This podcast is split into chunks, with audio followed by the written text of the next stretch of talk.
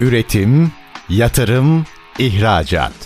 Üreten Türkiye'nin radyosu Endüstri Radyo sizin bulunduğunuz her yerde. Endüstri Radyo'yu arabada, bilgisayarda ve cep telefonunuzdan her yerde dinleyebilirsiniz. Endüstri Radyo.com Çetin Ünsal'ın hazırlayıp sunduğu İşte Bunu Konuşalım programı başlıyor. İşte bunu konuşalımdan merhabalar. Türkiye'nin gerçek gündeminde birlikteyiz. Efendim bugün aslında birkaç başlığı bir arada okuyacağız. Bunlardan birincisi geleceğin teknolojilerinin farkında olmayı konuşacağız aslında. Bugün ne konuşuluyor? Birkaç örnek verelim. Veri konuşuluyor, yapay zeka konuşuluyor, işte bulut bilişim, hatta belki de bence hepsinin temelinde siber güvenlik. Bunlar konuşuluyor. Bunların üzerinden yeniden şekillenen bir dünya ekonomisi var. Biraz bunu okuyacağız. İşler nereye doğru gidiyor? Biraz bunu okuduktan sonra da asıl kritik sorunun belki de yanıtını arayacağız. Günün sonunda kobilerimizin bu süreçlere entegrasyonunu nasıl sağlayacağız? Aslında herkesin belki de yanıtını aradığı soru bu. Yine bu kapsamda Kasım ayındaki organizasyon da önümüzdeki dakikalarda bahsedeceğim. Kobi özel sahnesi de var. Mesela o sahne ne anlama geliyor? Neyi anlatmak istiyoruz orada veya neyi ön plana çıkartmak istiyoruz? Hepsini hepsini konuşacağız. Kıymetli bir konum var. Analytics Center, Smartcom ve İstanbul Teknik Yönetim Kurulu üyesi Başak Tulga Önen. Bugün işte bunu konuşalımın konu. Sayın Önen hoş geldiniz efendim. Hoş bulduk. Çok teşekkürler davetiniz Ben çok teşekkür ediyorum. Şimdi bambaşka bir dünyaya doğru gidiyoruz. Biraz siyah beyaz konuşuluyor. Galiba hatayı da burada yapıyoruz. Aslında mevcut ekonomik gerçeklerle yeninin teknolojisinin entegrasyonunu belki çok konuşmamız gerekiyor ama ne hangi ezberler bozuluyor? Bu iş nereye doğru dönüyor? Biraz böyle alt başlıklarını da açarak verisini, yapay zekasını bir analizinizi almak isterim başta. Tabii tabii tabii çok detaylı ve geniş bir konu. Dediğiniz gibi birkaç başlığa ayrı ayrı değineyim. Bir kere ben iktisat okudum, ekonomi okudum. O yüzden iktisatta şöyle bilinir. Yani teknoloji ekonomik büyümenin en büyük tetikleyicisinden tetikleyicisi. Dolayısıyla bu teknolojik gelişim ekonominin gelişimi için de çok çok önemli. Şimdi isterseniz yapay zeka ile başlayalım. Oradan Yani yapay zeka ile alakalı beklenti de çok büyük, endişe de çok büyük. Ama bu işin de henüz çok başlangıcındayız. Şimdi mesela geçtiğimiz günlerde okuyordum. McKinsey yönetim danışmanlığı şirketi bir araştırma yayınlamış. Yapay zekadan elde edilecek toplam ekonomik değerin 21 trilyon dolar olacağı. Yani, Yani yıllık. Amerika'nın gayri safi yıllık hafızasına eşit Dünyanın da dörtte biri neredeyse. Aynen bugünkü öyle. Dünya ekonomisi. Aynen öyle. Yani bu çok çok tabii ki büyük bir rakam. Bunun yaklaşık işte 17 trilyon doları üretici olmayan yapay zeka,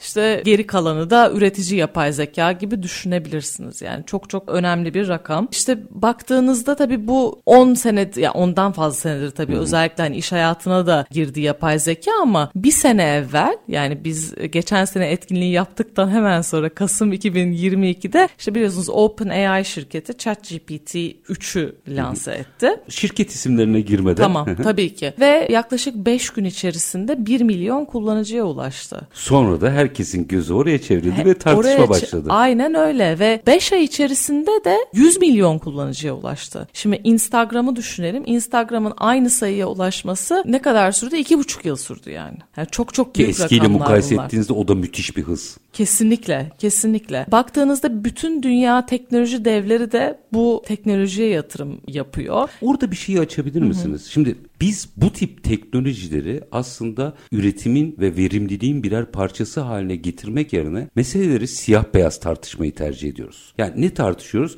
Yapay zeka insanın yerini alacak. Bilmiyorum 30 sene sonra ne olacağını hiçbirimiz bilemeyiz Evet. ama bugünkü itibariyle baktığımızda sanki o biraz daha magazinsel tartışmalar nedeniyle işin aslını kaçırıyoruz sanki Çok ne çok dersiniz? doğru. Yüzde yüz katılıyorum. Yani bu işe şöyle bakmak lazım. Bu sadece yapay zeka değil genel dijital teknolojilere. Şimdi bir şirketin amacı nedir? Yani oradan başlayalım. Rekabet avantajını arttırmak. Bunun da nasıl yapılır? Üç tane metodu var. Ya satılan adetleri arttırması lazım. Ya müşterilerine, paydaşlarına daha fazla fayda, değer sunarak birim fiyatını yukarıya çekmesi lazım. Ya da birim maliyetlerini arttırması lazım. Yani Başka yolu yok Başka yolu yok. evet. Karlılığın formülü bu zaten. Bunu yapmaya sağlıyor dijital teknolojiler. Dijital teknolojiler amaç değil bir araç. O yüzden de amaç hiçbir zaman yapay zeka teknolojilerini kullanmak olmamalı. Amaç her zaman birim maliyeti düşürmek, birim fiyatı arttırmak, satılan adedi arttırmak olmalı. Çok güzel bunun altını bir daha çizin. Çünkü aslında bizim dijital dönüşüm diye kastettiğimiz şeyin Türkçe tercümesi bu. Kesinlikle. Bunu kaçırıyoruz. Evet, aynen öyle. Asıl yani dijital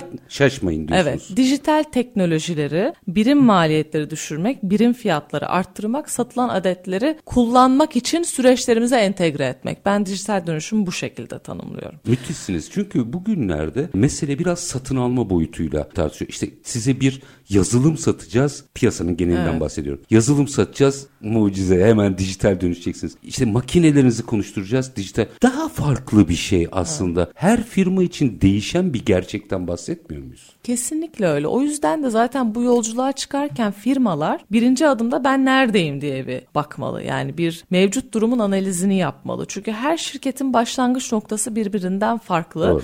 ve her çözüm her şirkete de aynı şekilde oturmuyor zaten. Kültür de farklı. Genelde dijital dönüşüm projelerinin önündeki en büyük engel şirketin kültürü, liderin bu konulara nasıl baktığı, hangi konuya ne kadar kaynak ayrıldığı, projelerin birbiriyle tutarlılığı, bütünselliği gibi konular oluyor. Orada bir şey daha açar mısınız? Tabii. Şimdi çok kıymetli şeyler söylüyorsunuz. Burada açılımlarını yapmam lazım. Kurumsallaşma meselesinin ilk zamanlarını hatırlayın. Evet. Yani logoların değiştirildiği, renklerin değiştiği, bunda kurumsallaşma diye nitelendirildiği yılları. Aile işletmelerini o zaman tartışırken şöyle bir anlayış çıktı. İşte profesyonelleri getirirseniz kurumsallaşırsınız. Olmadığı ortaya çıktı. Veya tam tersi de. Şimdi sanki bütün bu dijital teknolojileri de böyle okur haldeyiz. Biraz hani nefes alıp sağlıklı düşünmemiz lazım. Lütfen burayı açın. Bizim aslında yaptığımız işi geliştirmek esas hedef olmalı. Biz sanki Hani bir mucize gelecek, teknoloji gelecek ve biz birdenbire çok karlı şirketler haline geleceğiz zannediyoruz. Bu algıyı nasıl kıracağız? Evet. Şimdi işin her zaman başı strateji, iş stratejisini oturtmak. Bence her şey ondan sonra geliyor. Yani şirketin organizasyon yapısı da, kurumsal kültürü de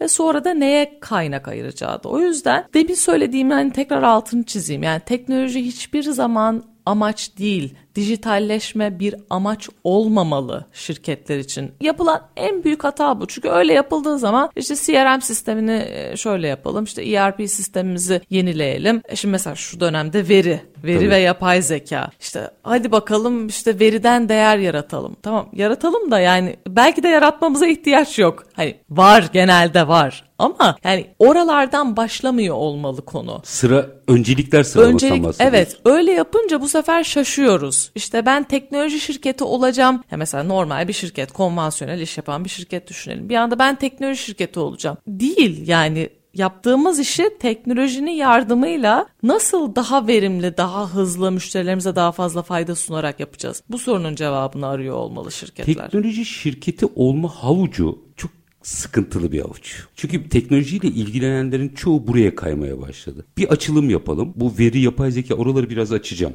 Hı hı. Doğru kurgulanması açısından ama öyle bir yere pas atıyorsunuz ki benim şimdi orayı açmam gerekiyor. Ben normalde konvansiyonel sektörde faaliyet gösteren bir işletmeyim. Bu işlere de meraklıyım. Birazcık kurcalamaya başlayınca bir dakika ben teknoloji şirketi olayım derken gerçek işimi ıskalıyorum. Şimdi aslında mesela startup gerçeği var ben benimle ilgili startupları incelemeye alsam, onlara hissedar olsam gibi gibi metotları niye bir Tabii. türlü konuşamıyoruz? Tabii. Buna alışık değiliz çünkü. Yani bizim bu sadece bizim ülkemizde değil bence her yerde. Dünya öğrenmeye çalışıyor. Dünya galiba. öğrenmeye çalışıyor. Yani eskiden şöyle bir mantık vardı. Her şeyi kendi içimizde yapalım. Her şeyi kendi içimizde geliştirelim. Dolayısıyla teknolojinin de gelmesiyle birlikte biz bunu kendi içimizde yapalım. Ama o kadar hızlı değişiyor ki her şey. Teknoloji de o kadar hızlı ilerliyor ki yani bir şirketin tek başına bunları geliştirmesi falan mümkün değil. Dünya ekosistem dünyası. Artık ihtiyaç duyduğumuz kaynakların hepsini yüzde yüzünü içinde bulundurmamız, barındırmamız insan kaynağı da dahil. Fiziksel kaynaklar, finansal kaynaklar, entelektüel kaynaklar, ilişki kaynağı bunların hepsini şirketin içerisinde bulundurmamız mümkün değil. Akılcı da değil. Akılcı da değil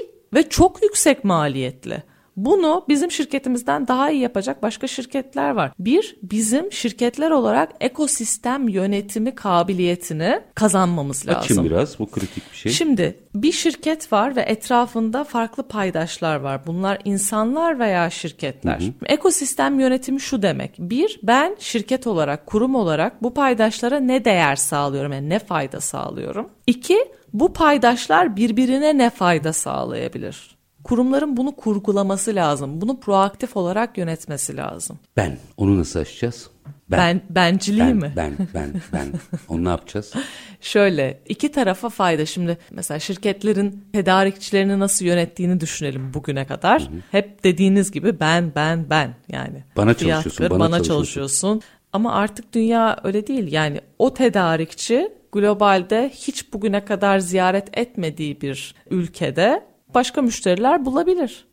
Artık dünyada rekabet her yerde e, ve her şekilde var. Ya da müşteri var. de her yerde. Müşteri de her yerde. Aynen öyle. O yüzden yani karşılıklı fayda sağlamak zaten ekosistem yönetiminin ana prensibi. Hani demin söylediğinize dönecek olursak startuplarda bu ekosistemlerin birer parçası. Burada Hı-hı. paniğe kapılmak en büyük hata galiba değil mi? Bu öğrenilebilir bir şey mi diye sorayım. Yanıtını aradan sonra alayım. Hatta o öğrenilebilir bir şey mi'nin yanıtından sonra da işte o alt başlıkları nasıl kurgulamamız gerekiyor? Yani veriden gerçekten ne anlayalım? Yapay zekadan vesaire vesaire siber güvenlikler bunları açalım istiyorum. Tamam. Ama minik bir araya gidelim. Herkes Anladım. çayını kahvesini bir tazelesin. Hemen ardından efendim geleceğin teknolojilerin farkında olmayı alt başlıklarıyla aslında çok güzel söylediniz. Bu bir ekosistem. Ekosistemin yöneteni olmanız gerekiyor. Kendi işinizde ıskalamadan. Biz detayları konuşacağız. Konuğumuz Analytics Center, Smartcon ve İstanbul Teknik Yönetim Kurulu üyesi Başak Tulga Önen. Kısa bir ara aranın ardından işte bunu konuşalım. Üretim, yatırım, ihracat. Üreten Türkiye'nin radyosu Endüstri Radyo sizin bulunduğunuz her yerde. Endüstri Radyo'yu arabada, bilgisayarda ve cep telefonunuzdan her yerde dinleyebilirsiniz. Endüstri Radyo.com Kısa bir aranın ardından işte bunu konuşalım demeye devam ediyoruz efendim. Konumuz Analitik Center, Smartcon ve İstanbul Teknik Yönetim Kurulu üyesi Başak Tulga Önen. Aslında geleceğin teknolojileri üzerinden geleceğin ekonomisinde var olmayı konuşuyoruz. Az sonra COBİ'lere de geçeceğiz tabii ama Sayın Önen şimdi bu ekosistemden ve bunun yönetilmesinden bahsettiniz. Bu Evet, kamu düzeninde veya makroda yönetilebilir. Aslında bu konuyla ilgili iradeyi de görüyoruz. Yani mesela şimdi 12. kalkınma planında bu teknolojik veya dijital dönüşümden bahsediliyor, yeşil dönüşümden bahsediliyor. Fakat herkese birini tahsis edemezsiniz. Herkes kendi firmasını yönetmek zorunda. Nasıl? Şimdi bir kere bu gelişmeleri gerçekten çok çok iyi takip etmek lazım. Yani strateji oluşturma sürecinin de belki ilk adımlarından bir tanesi. Yani dünyada neler oluyor, neler olabilir ve üçüncüsü sebep sonuç ilişkilerini doğru kurgulamak. Yani bu olan şeyler benim şirketimi, benim kontekstimi, bağlamımı, tedarikçimi, müşterimi, tamamlayıcımı, etkileyicimi nasıl etkiler? Bunları çok iyi anlamak lazım. O yüzden aslında şirketteki herkesin bir stratejist gibi düşünmesi gerekiyor. Bu teknolojilerin hani demin dediniz ya biz biraz magazinsel bakıyoruz ya, oraya. İşte ondan yapay bir kurtulamadık. Zeka. Ondan ondan hakikaten kurtulmak lazım. Kurtulmak için de çok iyi okumak lazım. Benim Türkiye ile alakalı en çok eleştirdiğim şey biz bir e-mail'i dahi okumakta üşeniyoruz. Ya bu benim o kadar çok başıma geliyor ki ya kardeşim yazdım ya orada yazıyor. Yok onu böyle hani okumuyor insanlar. E-mail düştüyse tamam diyor ama içini okumadı. içini okumadı. Yani okumayı öğrenmemiz lazım. İşlerin detayına girmemiz lazım. En büyük eksiklerimizden bir tanesi yani detaya gir, sebep sonuç ilişkilerini anla, bunu kendi şirketini, kendi kontekstini nasıl etkileyeceğini tespit et ve buna göre aksiyon al. Peki açalım mı o zaman? Mesela ne anlamamız gerekiyor? Böyle birkaç tanesini açalım. Yapay zeka. Ne anlamamız lazım bizim yapay zekadan? Evet. Ben bir orta büyüklükte işletmeyi Herkes bir yapay zekadan bahsediyor. Hatta evdeki kızım ya da oğlum da bunu kullanıyor. Evet. Fakat bunu nasıl işle entegre edeceğim bilmiyorum. Ne anlamam lazım? Neyi değiştirecek bu? Bir kere yapay zeka bir numaralı özelliği bizim öngörü yapabilmemizi sağlayacak. Doğa daha doğru, onu veriyle daha çok ve daha doğru veriyle besledikçe bu modeller, yapay zeka modelleri bizim daha doğru tahminler, daha doğru öngörüler yapabilmemizi sağlayacak.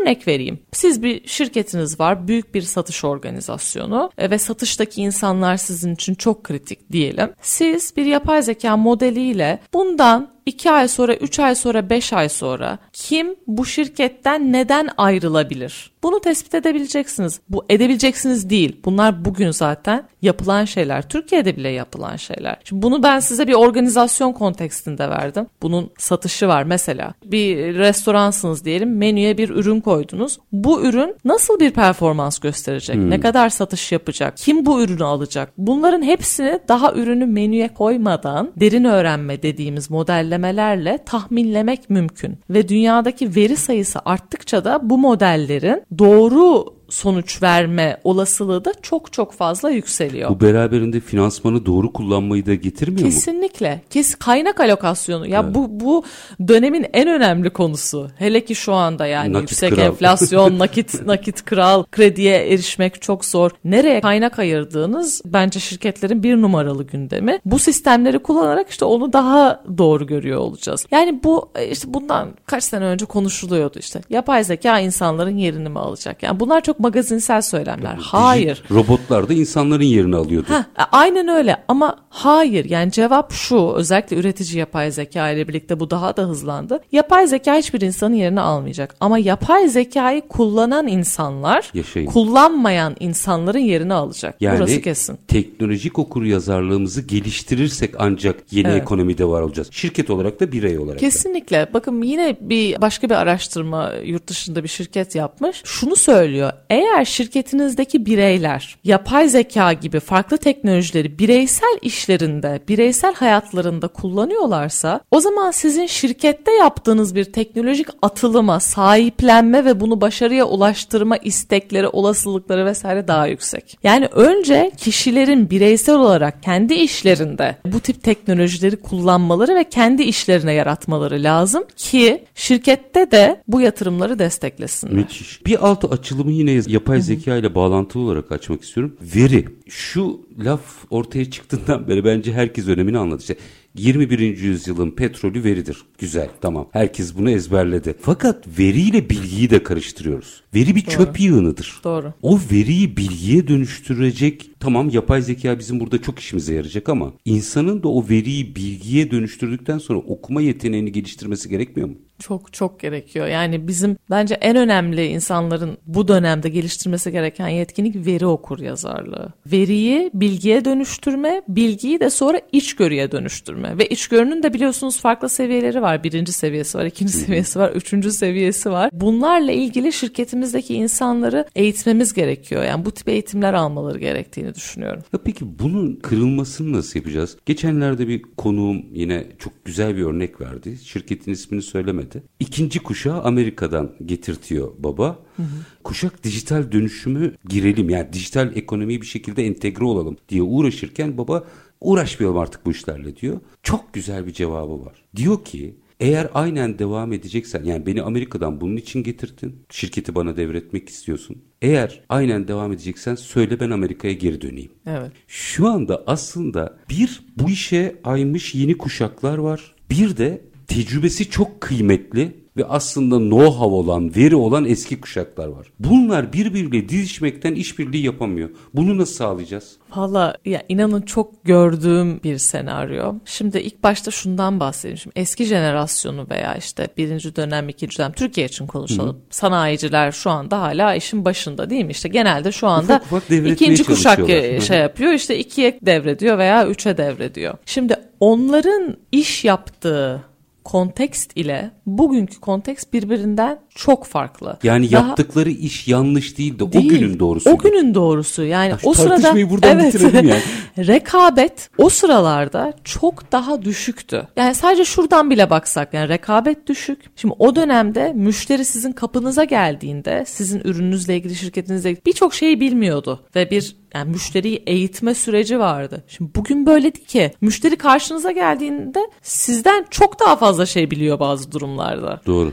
Yani ufacık bir şey soruyor sonra satın alıp almamaya karar veriyor veya sormuyor. Yani bambaşka bir dünya var ve bunun gerisinde kaldığında şirketler şu anda böyle yavaş bir yani yavaş anlıyor bence birinci jenerasyon ikinci jenerasyon ama bazıları doğru yapıyor bazıları diyor ki evet diyor ben sana tecrübemle hani bir takım yaşanmışlıklarla yol göstereceğim. Bir takım sektörel gerçekler de var. Şimdi her sektörün farklı gerçekleri var birbirinden gerçekten ayrışan. Tabii. Ve yaşanmışlıkları var, bir takım iş yapış tarzları var. E şimdi bunlar da o insanlarda çokça yüklü geliştirilmiş olan ilişkiler var. Bunları kaybetmemek lazım. Ama yeni jenerasyonda da benim gördüğüm en büyük hatalardan biri çok sabırsız. Hı hı. Yani hemen olsun. Annem, babam, o işin başında kimse hemen benim söylediğime tamam desin. Yani böyle değil. Yani sonuçta o kişiler de o şirketleri hani minimumda 30 yıl yönetmiş tabii, tabii insanlar oluyor. Artı Ve oradaki bilgiyi de yok saymamak lazım. Kesinlikle kesinlikle uzlaşmacı olmak çok önemli. Benim e, kendi babam bana bir şey söylemişti ve çok önemli olduğunu düşünüyorum. Şunu söyledi. Başak dedi ben seni şu andaki yaşımdaki halimle karşılaştırmıyorum. Ben seni senin yaşındaki halimle karşılaştırıyorum. Çok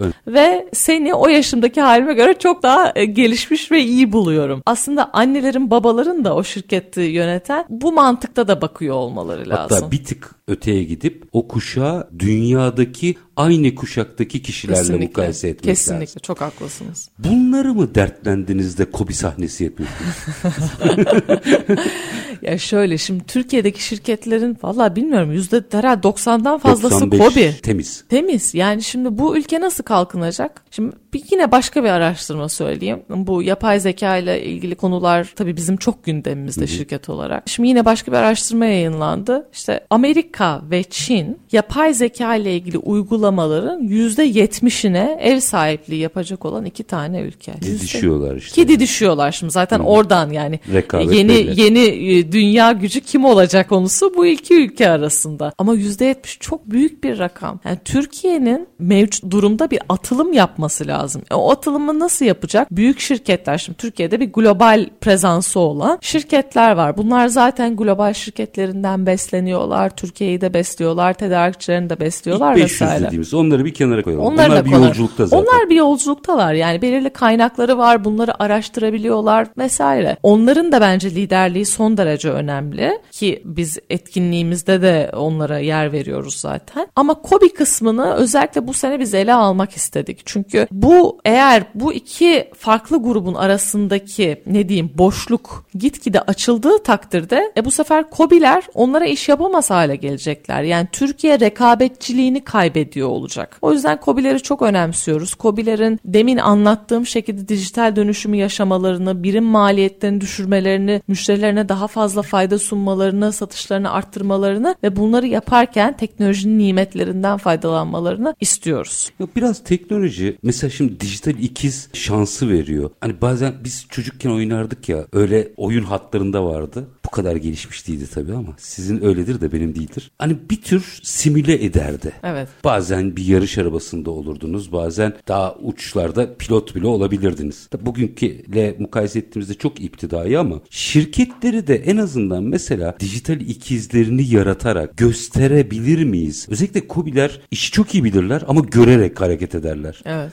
Bunu kullanabilir miyiz? Kullanabiliriz ama bence dijital ikiz dijital ikiz çok çokça konuşulan Hı. ve uzun dönemdir de hayatımızda olan bir şey. Henüz umduğumuzu bulamadık. Daha değil diyorsunuz. Daha değil. Neden? Çünkü dijital ikizleri. Şimdi dijital ikizin de tabii kademeleri var. Yani ürünün de biliyorsunuz tabii. dijital ikizini yaratmak var. Hani fabrikanın dijital ikizini yaratmaya ben doğru gidebilir. Şimdi buraya gitmek için çok ciddi veri gerekiyor. Şimdi veriyi toplamak için işte mesela nesnelerin internetin katmanlarına bakalım. 5 tane farklı katmanı var ve bunun ilk katmanı sensörler yani veriyi topladığınız kaynaklar. Şimdi hı hı. bunun için sizin internet altyapınızın çok iyi olması lazım işte kablolamalar vesaire yani oradan başlayıp o uç katmana ilerleyen bir süreç var. Veri olmadan da yani veriyi toplamadan, konsolide etmeden, onu anlamlandırmadan da dijital ikize gitmemiz Orada çok sapmalar çok zor. Evet aynen öyle. Yani bu dijital ikizin yaygınlaşmasını ben daha uzun dönemli bir eğilim olarak görüyorum. O zaman çok daha geleneksel bir dijital ikiz söyleyeyim size. Tecrübe aktarımı. Doğru tabii tabii. Yapanların çok anlatması gerekiyor. O- evet. Bununla Çok ilgili doğru. de zaten hani o ortamları oluşturmak da önemli. Şimdi İstanbul Tekvik'e de geleceğim ama şimdi 2-3 dakika sonra bir araya gideceğim. Tabii. Yarım kalsın istemiyorum orada. Bütün bunların içerisinde bir nokta daha var. Şimdi şimdi biraz açıldı. 90'lı yıllarda daha kötüydü. 2000'li yılların başı özellikle daha kötüydü. Jargon ve ortak değil. Maalesef. Yani son derece doğal olarak bu mesleği yapan mesela sizin meslek grubu kendi arasında jargonları var. Evet. Bu da garip bir şey değil ama ben anlayamıyorum. Evet. Problem. ortak dili nasıl yaratacağız madem kobileri konuşuyoruz? Evet. Ben kendim ne yaptığımı söyleyeyim. Harika. Ee, jargon kullanıldığında ve onun böyle tam anlaşılmadığını hissettiğimde ben o jargonu bilsem bile affedersiniz ne demeye çalışıyorsunuz birazcık açar mısınız diyorum. Müthiş. Ve çünkü biliyorum etrafımdaki insanlar bunu anlamıyorlar. Ve insanlar da belki bazen sormaya korkuyor veya aslında çok fazla okuduğu bir şey oluyor ama derinine inmiyor. Yani sormaktan korkmamamız lazım. Bence 21. yüzyılın en önemli yetkinliklerinden bir tanesi meraklı olmak. Meraklı Ama işte orada olmak, ayıp olur diye düşünüyorum. Hatırlar mısınız bilmiyorum. Almanya'dan gelenler böyle kendi arasında Almanca konuşurdu. Aile Evet. toplantısında da diğerleri bir şey anlamamazdı. Durum biraz ona dönüyor. Evet, evet. Maalesef bu çok tehlikeli. Çünkü şimdi iyice teknoloji e, profesyonelleriyle diğer profesyoneller arasındaki açılım da gitgide arttıkça şimdi bu sefer iş yani işle teknoloji birbirinden ayrışır hale geliyor. Aslında biraz evvel şeye geleyim yani dijital dönüşüm projelerinin başarısızlıklarının en büyük sebeplerinden bir ikincisi de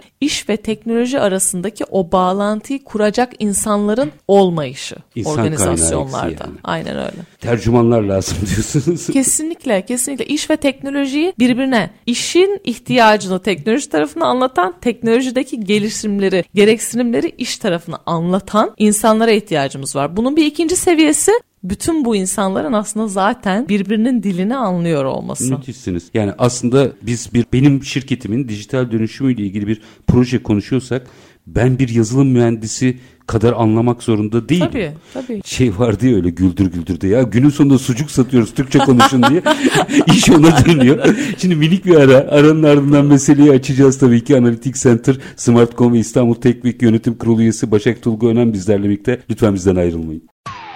Üretim, yatırım, ihracat. Üreten Türkiye'nin radyosu Endüstri Radyo sizin bulunduğunuz her yerde. Endüstri Radyo'yu arabada, bilgisayarda ve cep telefonunuzdan her yerde dinleyebilirsiniz. Endüstri Radyo.com Kısa bir aranın ardından işte bunu konuşalım demeye devam ediyoruz efendim. Konumuz Analitik Center, Smartcon ve İstanbul Teknik Yönetim Kurulu üyesi Başak Tulga Önen. Geleceğin teknolojinin farkında olmayı alt kırılımlarıyla birlikte açıyoruz. Aslında yine döndük dolaştık. Bu işlerin çok konuşulması, teknolojinin, gelişmelerin dünyayla entegre bir biçimde aktarılması ve tecrübelerin paylaşılması gerekiyor. Bunun için de galiba o bilgi paylaşımı çok önemli hale geliyor. Şimdi şi- teknoloji günlerine doğru giderken oradaki temaları da biraz açmanızı rica ediyorum. Gündem ne mesela? Ne tartışacaksınız Kasım'da? Şimdi Kasım'da biz iki günlük bir etkinlik yapacağız. Bu arada bir adım geriye atayım. Biz neden böyle bir Çok etkinlik sevinirim. yapıyoruz onu söyleyeyim. Demin konuştuğumuz yani ülkelerin ben gerçekten teknolojinin ekonomik büyümenin en önemli etkeni olduğunu düşünen bir insanım. Ve dolayısıyla Türkiye'deki teknoloji ekosisteminde desteklememiz gerektiğine gönülden inanıyorum. Ve çok hevesliyiz. Çok çok gerçekten öyle yani teknolojiye de meraklı kafası basan ve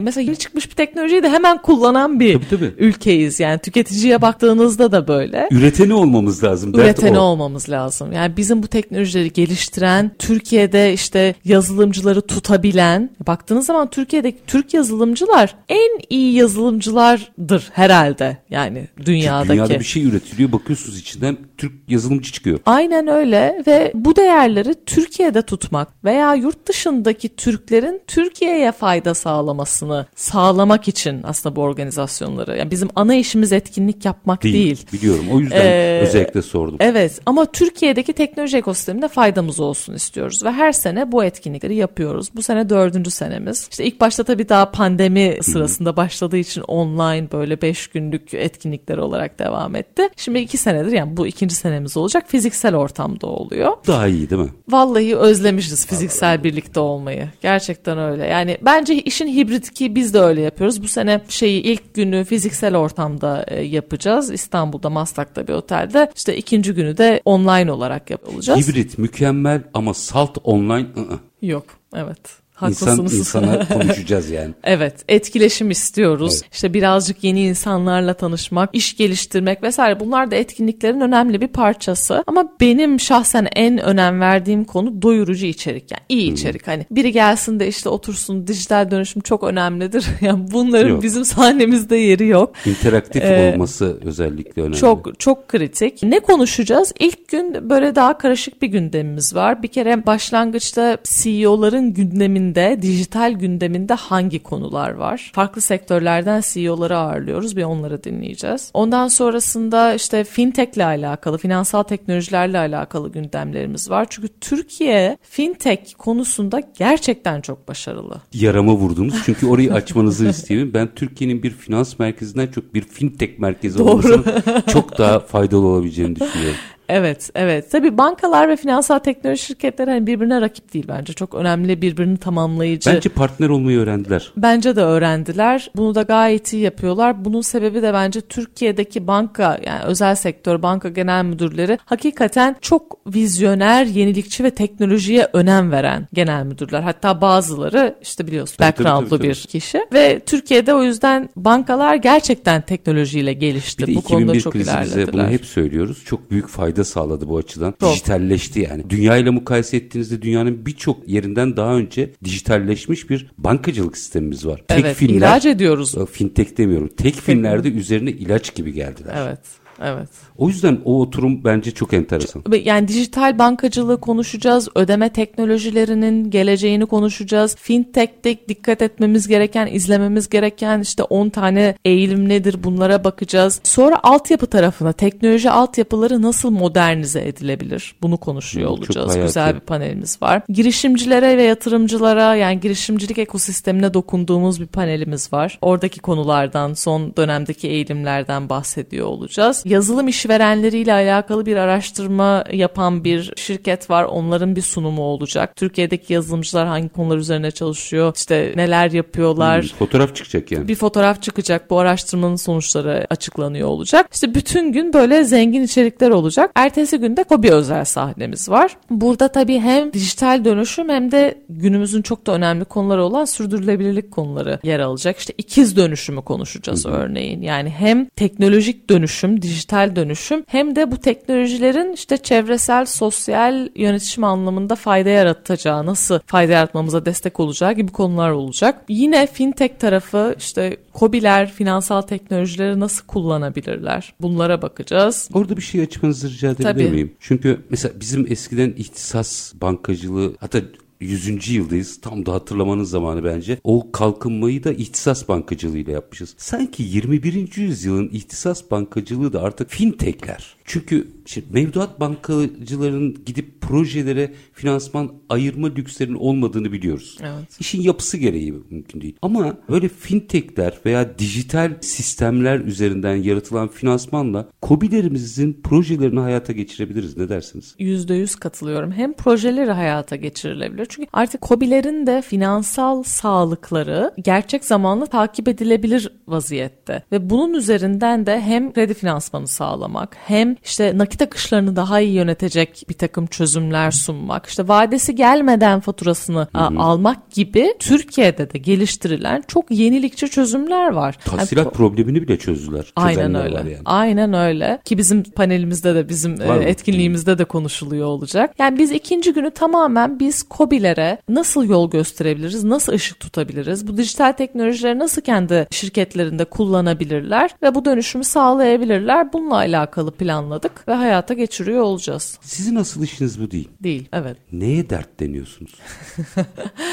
Şimdi şunu bizim asıl işimiz yönetim danışmanlığı. İşte yüzden fazla kurumla birlikte çalışıyoruz. Strateji konusunda, dijitalleşme konusunda, sürdürülebilirlik konusunda, organizasyonel yapılanma konusunda. Ama ya bunları yaparken hakikaten en büyük eksikliğin bu teknoloji, dijital teknolojilerin gelişimi, buradaki hani know-how eğilimleri takip etme, bunun işi nasıl etkileyebileceğini görme gibi şeyler olduğunu fark ettik. Ve gerçekten yani inanın bunu biz gönülden yapıyoruz. Yani bir para kazanma şeyimiz yok Değil. bu etkinliklerde. Yok, öyle olsa bu kadar ayrıntılarıyla konuşmak istemezdim Evet zaten. yani öyle O başka değil. bir şey çünkü. Evet yani tamamen gerçekten biz ben Türkiye'de yetiştim. Yani burada yetiştim. Evet yurt dışında gittim okudum çalıştım vesaire ama bu ülkeye hizmet etmek Tersine ve bu ülkenin gelişimini sağlamak istiyoruz. Yani ben şeyde insanlar maalesef beyin göçü çok çok büyük bir problem Türkiye için. Son yıllarda da maalesef çok çok arttı.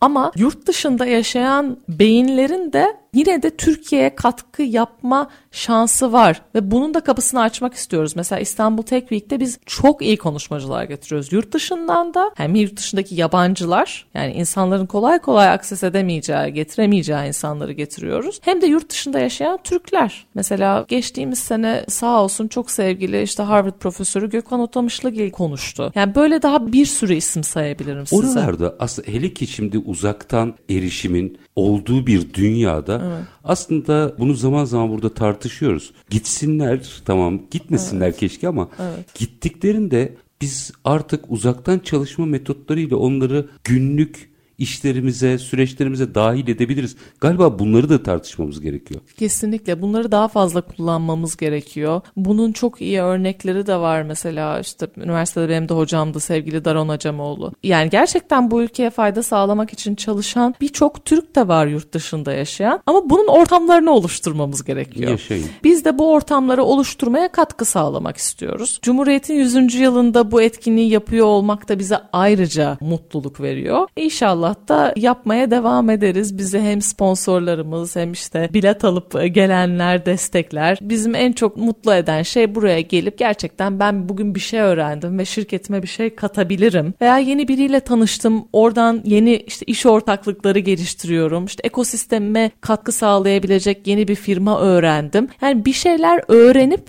onu kendi şirketine, işine, hayatına entegre edebilmeleri insanların. 5 dakikam var. Şunu konuşalım mı? Öyle bir kırılma noktasındayız ki eğer bazı şeyleri doğru yaparsak o 70-80 senelik farkları 2-3 yıllara indirebilmemiz mümkün. Iskalarsak 1000 yıla çıkacak. Evet. Neyi yapıp neyi yapmamamız lazım sizin gördüğünüz pencereden? Çok çok doğru bir soru olduğunu düşünüyorum ve bunun kamu seviyesinde yönetilmesi gereken bir konu olduğunu Devlet düşünüyorum. Bunun bir devlet politikası olması lazım. Yani nasıl bir işte hani varlığı yokluğu tartışılır ama bir tarım politikası var. işte farklı politikalar var. Gerçekten bu konunun da bir devlet nezdinde politikalar oluşturan bir bir yerin olması lazım ki yok değil. Konuda ortaya. Evet kondu ortaya işte bir dijital dönüşüm ofisi var faaliyet gösteren bunu kaç senedir faaliyet gösteriyorlar. Ama neye biz kaynak ayırıyoruz ülkede? Buna bakmak lazım. Yani işte senelerce farklı sektörlere kaynak ayrıldı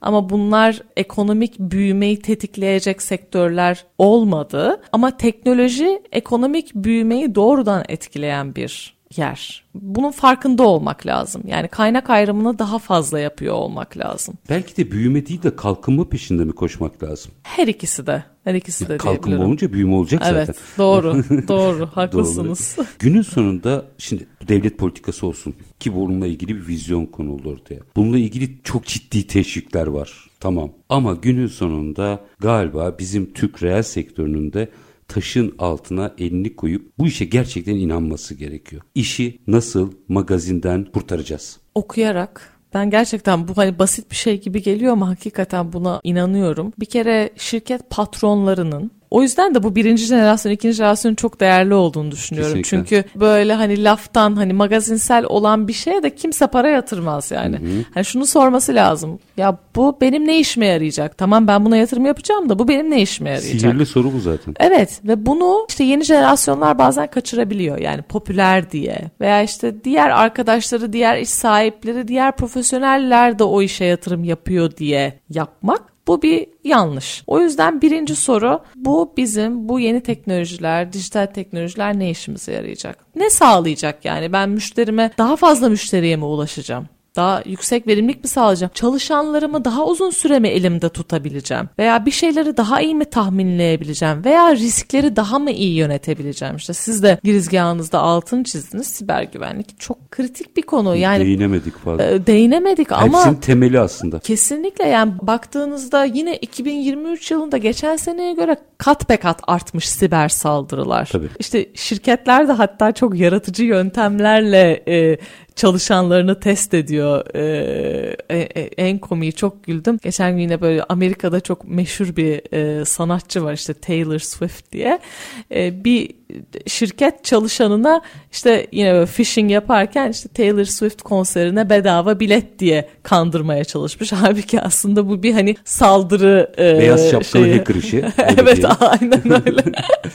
yani bunlara hazırlıklı olmak lazım. Hani şeye döneyim yani riskleri daha iyi yönetmek olabilir, daha çok müşteri getirmek olabilir, daha yüksek verimlilik sağlamak olabilir. Ya faydası ne bu işin? Ve ben neye daha fazla kaynak ayırmalıyım? Neye kaynak arasam bunun getirisi bana ne olur? Baştan bunları planlamak lazım. Hayati anahtarı verdiniz bence. Yani bu benim işime nasıl yarayacak sorusunu doğru olarak soran ve cevabı doğru arayan bütün şirketlerin hem kendi adına hem sektörler adına hem de Türkiye ekonomisi adına çok büyük faydalar sağlayacağı bir kapıdayız. O kapıdan bir geçelim evet. ama doğru soruyu sorarak. Sayın Önen çok teşekkür ederim. Çok keyifliydi. Ben çok teşekkür ederim. Zaman su gibi akıp geçti. Gerçekten öyle. Var olunuz. Ağzınıza sağlık. Sağ olun. Teşekkürler. Efendim biz bugün geleceğin teknolojisinin farkında olmayı biraz alt başlıklarıyla veri, yapay zeka, bulut bilişim vesaire gibi bütün detaylarla ki keza siber güvenlik belki daha çok konuşabilirdik ama aslında işin felsefesini konuştuk. Bir dönüşüm gerekiyor ve bu dönüşümü doğru sorularla ve doğru yanıtların peşine düşerek doğru metodoloji ve teknolojiyle erişmesi gereken bir yolculuk diye bakmak lazım. Biz bugün detayları Analytic Center, Smartcom ve İstanbul Teknik Yönetim Kurulu üyesi Başak Tulgu Önen'le sizler için konuştuk. Her zamanki gibi bitirelim. İşinizi konuşun, işinizle konuşun. Sonra gelin işte bunu konuşalım. Hoşçakalın efendim.